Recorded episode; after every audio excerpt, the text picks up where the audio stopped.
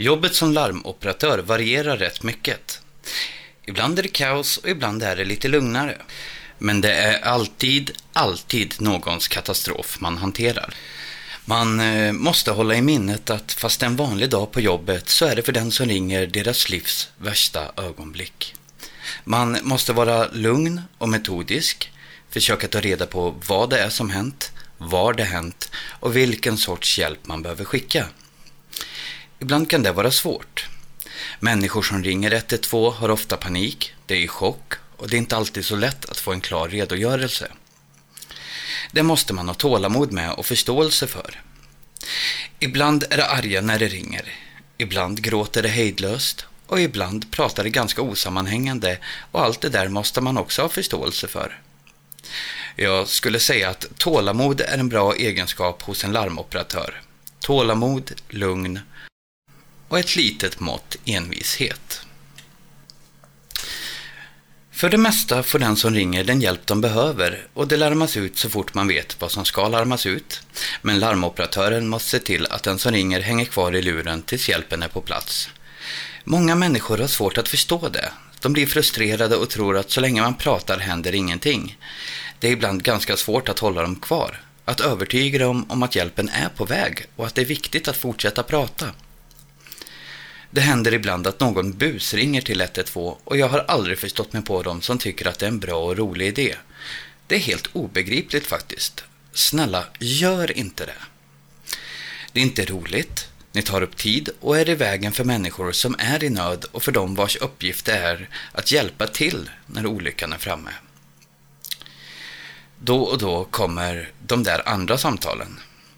Inte ofta, men tillräckligt ofta för att de flesta larmoperatörer råkat ut för det åtminstone någon gång. Det pratas inte ofta om dem, inte ens alltid sinsemellan, men o, oh, ja, det förekommer. Nu pratar jag om de där samtalen som bara är så märkliga. Att man inte vet vad man ska tro eller vilken sorts hjälp man ska skicka eller ens om det finns någon hjälp att få överhuvudtaget. Ibland tror jag att det kanske inte gör det. Vissa av dessa samtal biter sig fast i skallen och ligger där och gror. Man grubblar över dem, undrar hur det hela slutade. Funderar på om samtalet och uttryckning egentligen gjorde någon skillnad alls. Larmoperatören får inte alltid veta hur saker och ting slutar. Ibland får man det, ibland inte. Ibland är det en välsignelse att slippa veta Andra gånger fortsätter det klia inuti minnet och det kliandet kan pågå i åratal. En del är helt omöjliga att bli av med.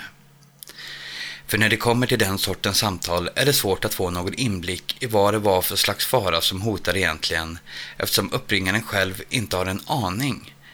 Men man förstår ändå att det faktiskt rör sig om en högst verklig nödsituation. Man känner omedelbart igen de här samtalen när man får dem. Man vet instinktivt att nu är det illa, det här är på allvar. Fast man vet inte vad man ska göra åt det. Atmosfären tätnar, allt stannar upp runt omkring. Håret reser sig i nacken och man bara vet att det är ett sånt där samtal. Ett sådant där som kommer att klia i hjärnan i åratal efteråt. Ett som man bara nästan kan hantera och som är så skevt och fel att det är oklart om man gör någon skillnad alls. Jag ska berätta om ett sånt som bitit sig fast för kanske, kanske slutar det att besvära mig om jag gör det. SOS Alarm, vad är det som har inträffat? Uh, ja, ja, uh, kan ni skicka någon? Än så länge ett alldeles vanligt samtal. Uppringaren var en man, men i övrigt var det inget särskilt alls med samtalet. Hallå, är ni kvar? Jag är kvar. Eh, kan, kan ni skicka polisen? Snälla skynda er. Vi ska hjälpa er så fort vi kan, men ni måste berätta vad det är som har inträffat. Det är någon här. Jag vet inte vem det är. Han ska nog inte vara här och jag, jag känner inte igen honom. Är det ett pågående inbrott ni vill rapportera? Jag, jag, jag är faktiskt inte helt säker på vad han är. Vi måste veta vad det är som har inträffat för att kunna hjälpa er. Vill ni inte vara snälla och berätta vad det är som har hänt så vi kan hjälpa er så fort som möjligt? Det blev tyst en liten stund och uppringaren drog några djupa, darrande andetag. Jag tänkte precis säga något lugnande när han plötsligt tog sig samman. Det står en man i vardagsrummet och jag vill att någon kommer och tar bort honom. Han ska nog inte vara här. Står det en okänd man i ert vardagsrum? Ja, det... Nej, jag vet inte vem det är. Inte hur han kom dit och inte när heller. Jag, jag kom precis hem. Vad gör mannen? Säger han någonting? Nej, han, han säger ingenting. Han bara står där. Han rör sig inte och han svarar inte på tilltal. Det är något fel på honom och jag vill att någon tar honom härifrån. Och ni vet inte hur länge han har befunnit sig där? Nej, jag har ingen aning. Jag, jag får inte ut honom. Snälla ni, kan ni skicka hit polisen? Skynda er! Polis är på väg fram där, men vi har ingen patrull i närheten av adressen så det kommer att ta en liten stund till. Under tiden vill jag att ni talar med mig och berättar vad som händer. Ja, ja, ja visst. Bra, det här ska vi ordna. Ta det lugnt bara så är polisen snart där. Hur ser mannen ut? Han är ganska lång, lite kraftig, flintskallig. Han har kostym. Skrynklig, ljust grå. Hur gammal ser han ut att vara? Ja, ja det, det, det vet jag faktiskt inte. Nej, jag förstår det, men uppskattningsvis. Jag, jag vet inte. Jag, jag, ser bara hans rygg. Kan ni se efter? Eh, ja, kanske. Nu lät inringaren väldigt tveksam och jag förstod att han var rädd. Så jag gjorde ett nytt försök. Eh, kan ni vara snälla att försöka se efter? Det vore bra om vi fick veta ungefär vilken ålder det är på personen. Ett ögonblick då. Jag hörde inringaren lägga ifrån sig luren med ett lätt skrammel och hur han gick iväg.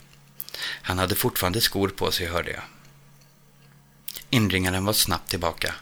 Det, det går inte. Förlåt? Varför går det inte? Jag, jag, vet inte, han gör någonting. Jag försökte se hans ansikte, men det går inte. Man kan bara se ryggen. Jag gick runt honom för att försöka se som ni sa åt mig, men jag kan bara se hans rygg. Jag vet inte varför. Och nu, nu först, i det ögonblicket kände jag att det här var ett sådant samtal. Håret reste sig i nacken och jag förstod varför inringaren var så rädd. Ni ser bara hans rygg och han rör inte på sig. Han vänder inte på sig eller vänder bort huvudet för att dölja sig. Han står bara där och ni ser bara hans rygg. Ja, jag vet inte varför. Han, han ska nog inte vara här. Ser ni honom nu? Ja, jag står i hallen och jag kan se honom om jag tittar in i vardagsrummet. Då ser jag hans rygg. Uh, hur kom han in? Jag vet inte. Jag ser inga tecken på inbrott och larmet har inte löst ut. Han bara stod där i mörkret när jag kom hem. Kommer inte polisen snart? Han är ganska otäck. Det är en patrull på väg fram där, upprepade jag och hoppades att det skulle vara framme snart, för jag hade en riktigt otäck magkänsla när det gällde det här ärendet. Inringaren lät förstås rädd, men i övrigt lät han genuin och han var redig och trovärdig. Men mannen i hans vardagsrum måste det vara något riktigt galet med. Det var något som var riktigt fel utöver det uppenbara intrånget. Situationen kändes farlig. Det började bli svårt att hålla samtalet igång också. Jag visste inte mer än vad jag kunde säga eller fråga om medan vi väntade på att polisen skulle komma fram. Plötsligt skramlade det lite svagt i uppringarens ända av linjen. Vad är det som händer nu? frågade jag som blev orolig för att situationen eskalerat ytterligare. Min, min fru kom just hem. Vänta lite, häng kvar medan jag förklarar för henne. Jag kunde höra hur han lågt sa till henne att inte komma in och jag hörde henne fråga varför. Sedan måste inringaren ha pekat ut mannen för henne och hon flämtade till och utbrast Herregud, vem är det där? Tätt följt av Ring polisen! med alldeles för hög och gäll röst. Hon var chockad.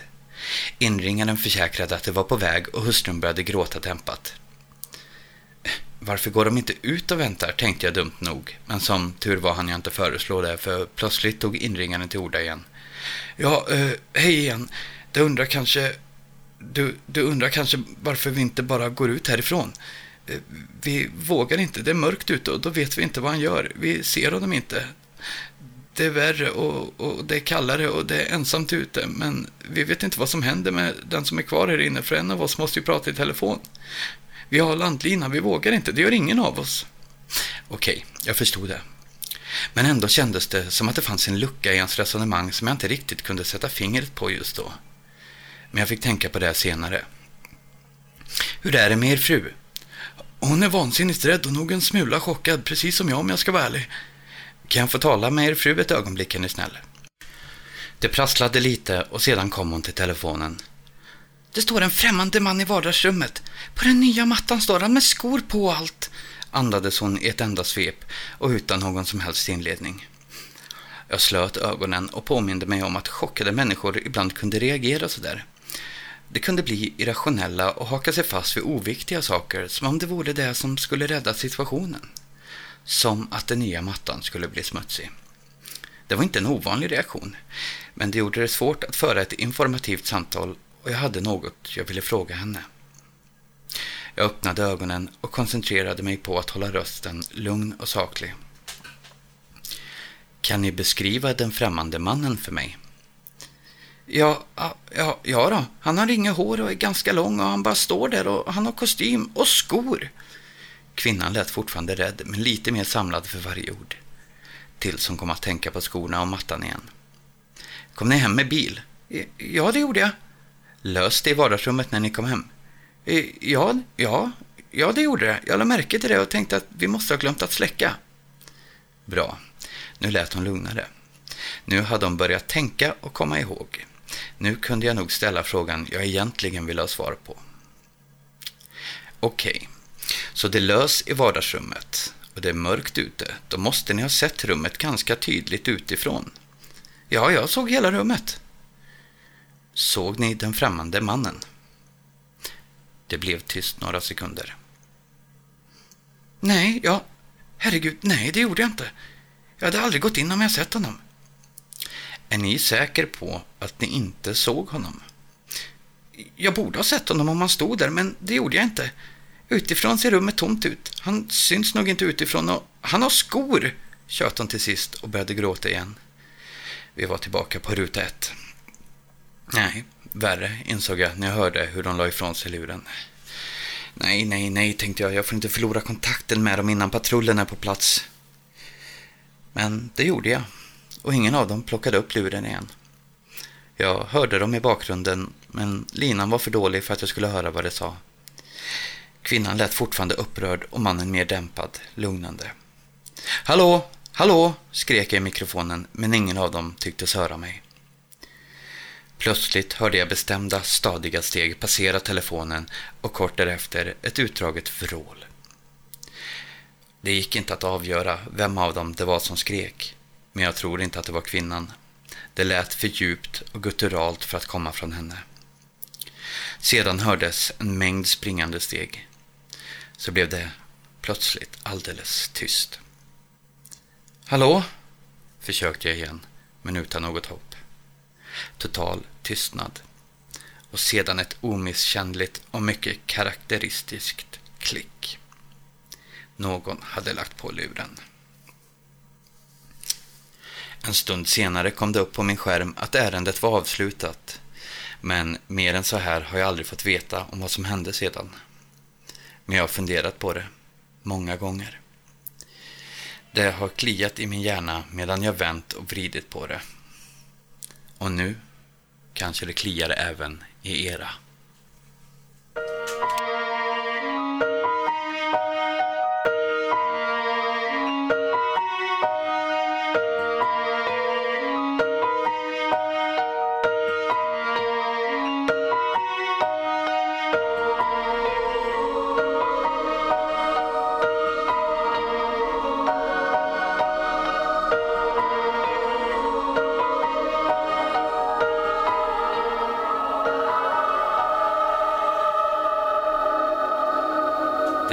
Nyss har hört var larmnumret 112 skriven av Mikaela Schmidt och uppläst av mig, Tommy Nordin. Jag vill bara säga tack för att ni lyssnar och tänker inte fortsätta att dividera om saker och ting utan går direkt in på historia 2. Och om ni tycker att ljudet låter lite annorlunda så är det för att jag numera har flyttat igen och inte fått upp studion ordentligt utan mikrofonen hänger i ett notställ men, och hörde ni ljudet så var det inte ett spöke utan det var restaurangen ovanför som eh, flyttade en stol. Men vi går in på den andra historien, också skriven utav Mikaela Schmidt och den heter Jenny. Jenny är en sån där person som inte kan vara stilla. Det har hon alltid varit. Hon verkligen avskyr att inte ha något att göra och förstår sig inte på människor som kan sitta still vid ett skrivbord hela dagen. Eller ännu värre, bara sitta hemma framför tvn eller datorn en kväll. Hon blir rastlös efter en halv kopp kaffe och, och måste hon vara inaktiv någon längre stund av någon anledning så går fortfarande hjärnan på högvarv och hon tänker ut olika projekt eller saker att göra. I hela sitt yrkesverksamma liv har Jenny jobbat som städerska. Fritiden har hon fyllt med familj, barn och diverse fritidsaktiviteter och hon har sällan haft en lugn stund. Alltid på väg till eller från något eller sysselsatt med bullbak, matlagning eller hushållsarbete. Nu är barnen utflugna sedan länge och hon har gått i motvillig pension. Man skulle kunna tro att Jenny nu vill ta det lugnt, men tillvaron fortsätter ungefär som vanligt med gympa på tisdagar, middagar med vänner, bullbak, barnbarn som behöver passas och på senare tid också ett jobb som tidningsbud för att dryga ut kassan. Hon tycker att det är ett roligt jobb. Hon får röra på sig, vara ute mycket. Hon börjar klockan tre på morgonen och är färdig till klockan sex, vilket betyder att hon kan fylla hela dagen med aktiviteter. Sitt aktiva liv till trots lider Jenny av artros i ena höften och lederna verkar när det blir väderomslag, vilket irriterar henne så mycket att hon för länge sedan bestämt sig för att helt enkelt vägra erkänna det och fortsätta som förut. Höften börjar bli besvärlig när hon går i trappor, men på grund av att hon är den envisa, hurtfriska person hon är, så är det bara till följd att hon envisas med att gå i trappor så ofta det överhuvudtaget är möjligt och ibland även helt i onödan, bara för att.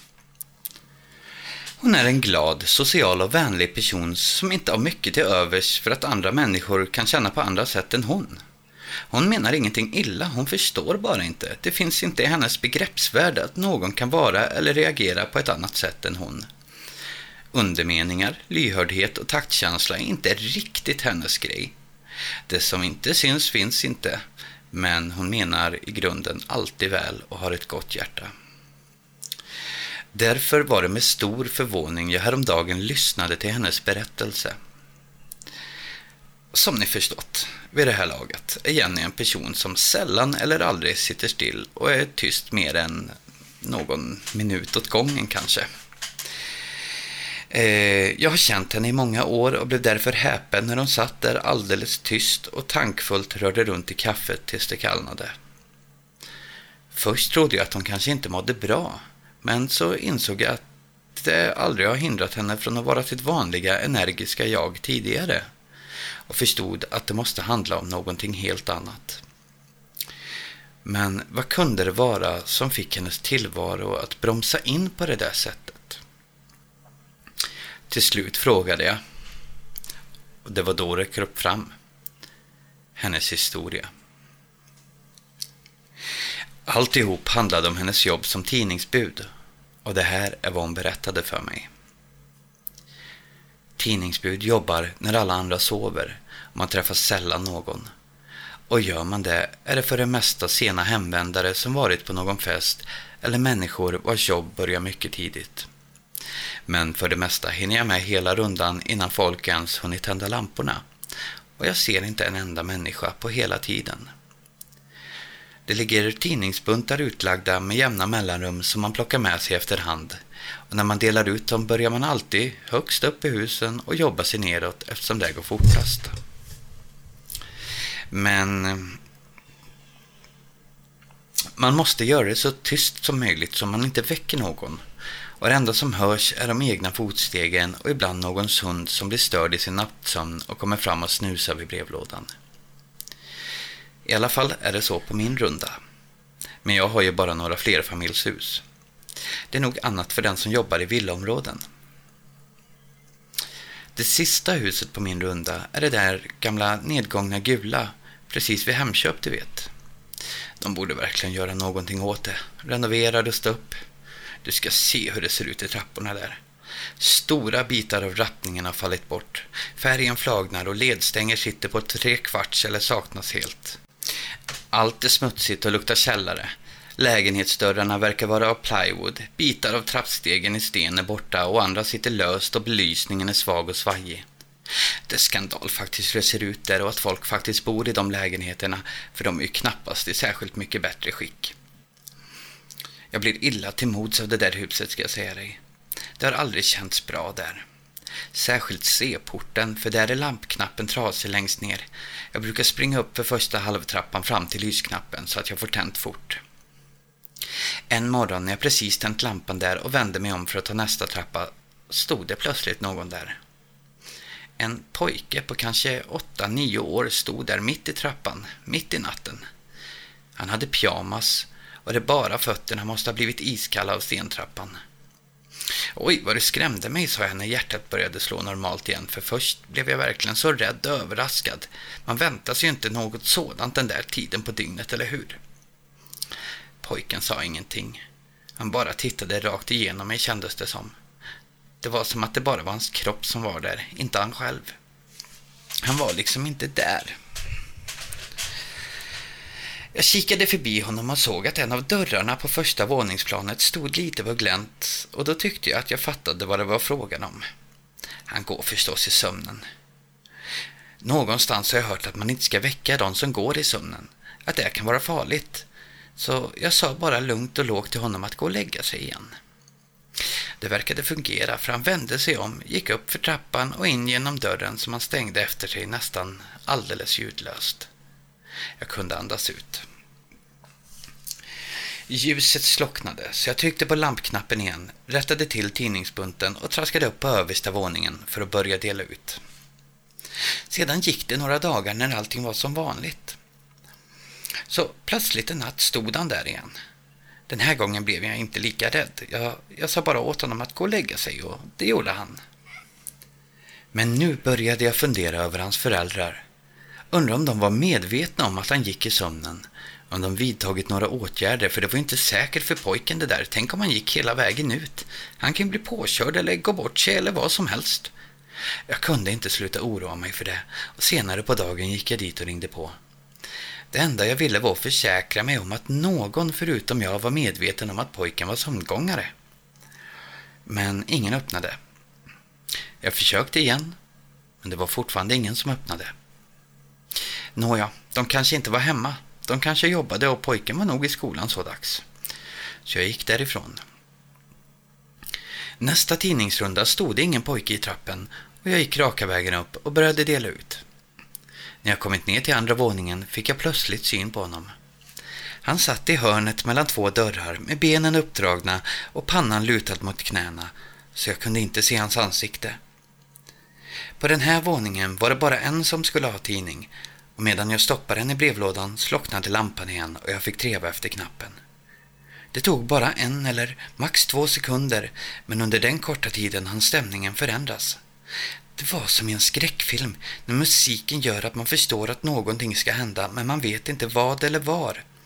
Precis den känslan var det, fast det hördes inte ett ljud. Så hittade jag äntligen knappen och när lampan flimrade igång såg jag att nu plötsligt stod pojken alldeles intill mig. Hur hade det gått till så fort och utan att ge ett ljud ifrån sig? Han var ju bara en liten pojke som gick i sömnen, inget att vara rädd för alls. Men ändå, jag var så rädd, så rädd. Gå och lägg dig i din säng igen, sa jag åt honom och jag hörde själv hur min röst darrade men pojken försvann ner för trappan. Jag blev stående där på andra våningen en stund. Jag behövde hämta andan lite och jag behövde sluta vara rädd. Det gick nästan. När lampan slocknade för andra gången kunde jag tända den igen utan att vara rädd och tog trappan ner till första våningen. Pojkens våning. Dörren var stängd och hans familj skulle inte ha någon tidning så jag passerade bara förbi på väg till den sista halvtrappan övertygad om att nu var han tillbaka i sin säng för natten. Men det var han inte. För halvvägs ner i den sista trappan stod han i sin pyjamas och stirrade på mig med den där tomma blicken.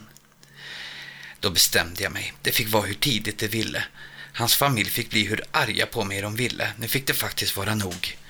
Så jag vände mig om och jag ringde på dörren. Det var alldeles tyst där inne. De sov ju säkert så det är väl inte så konstigt, tänkte jag och knackade istället hårt på den tunna dörren så det ekade i trapphuset. Det var fortfarande alldeles tyst där inne. Ingen kom och öppnade. Jag hörde en snabb rörelse bakom mig och sedan hörde jag ett djupt morrande ljud som fick mig att blixtsnabbt vända huvudet mot ljudet i tron att det var en hund. Men det var det inte. Det var pojken som lät sådär. Precis som en hund och det ljudet ekade minsann inte. Det bara gurglade och mullrade någonstans djupt inne i hans bröst och det lät precis som en riktigt arg hund. Jag kände hur håret reste sig på armarna och jag tryckte ännu en gång på ringklockan. Nu fick de faktiskt vakna och komma och ta hand om sitt barn. Men det enda som hände var att lampan slocknade igen. Jag trevade desperat efter knappen och kände något stryka förbi bakom ryggen på mig. Förmodligen var det pojken, för när jag äntligen lyckades tända lampan igen var han borta och jag skyndade mig ner och ut. Det tog mig en god stund att lugna ner mig efter det, det ska jag erkänna. Men när jag väl gjort det var jag mer beslutsam än någonsin att få tag i hans föräldrar innan någonting allvarligt inträffar. Så jag åkte dit igen och ringde på. Ingen öppnade nu heller, fast jag både ringde på och knackade och ropade i brevlådan. Till slut öppnade grannen bredvid tveksamt sin dörr på glänt och undrade om han kunde hjälpa till med något. En liten, förskrämd och krokig gubbe var det. Jag förklarade att jag var tidningsbudet och att jag behövde prata med familjen som bodde granne med honom. Granne, sa gubben. Jag har ingen granne. Den där lägenheten har varit tom i flera månader. Ja, jag frågade förstås om han var säker på det. Om det bodde något barn i porten eller något. Och han försäkrade mig om att lägenheten var tom och att ingen i den här trappen hade några barn. Här bor mest äldre människor, sa han och stängde dörren mitt framför ögonen på mig. Jag antar att han blev trött på mig och mina konstiga frågor. Och det får man ju förstå. Själv var jag både förvirrad och lite rädd. Jag önskade att jag hade haft mod att känna om dörren som pojken brukade gå in i var låst eller olåst, men jag vågade faktiskt inte. För vad jag än skulle upptäcka så skulle jag bli rädd. Om dörren var låst och lägenheten tom, hur kunde pojken gå ut och in där på nätterna? Om dörren var olåst och lägenheten tom, vem var pojken? Om dörren var olåst och lägenheten inte var tom, vem vet vad jag då skulle finna där inne? Ibland är det helt enkelt bättre att inte veta. Men problemet kvarstår ju. Jag måste fortfarande dela ut tidningar i det där hemska huset.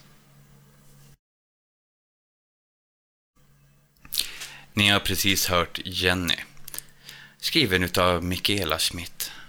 Och ibland undrar jag var den där kvinnan får allt ifrån.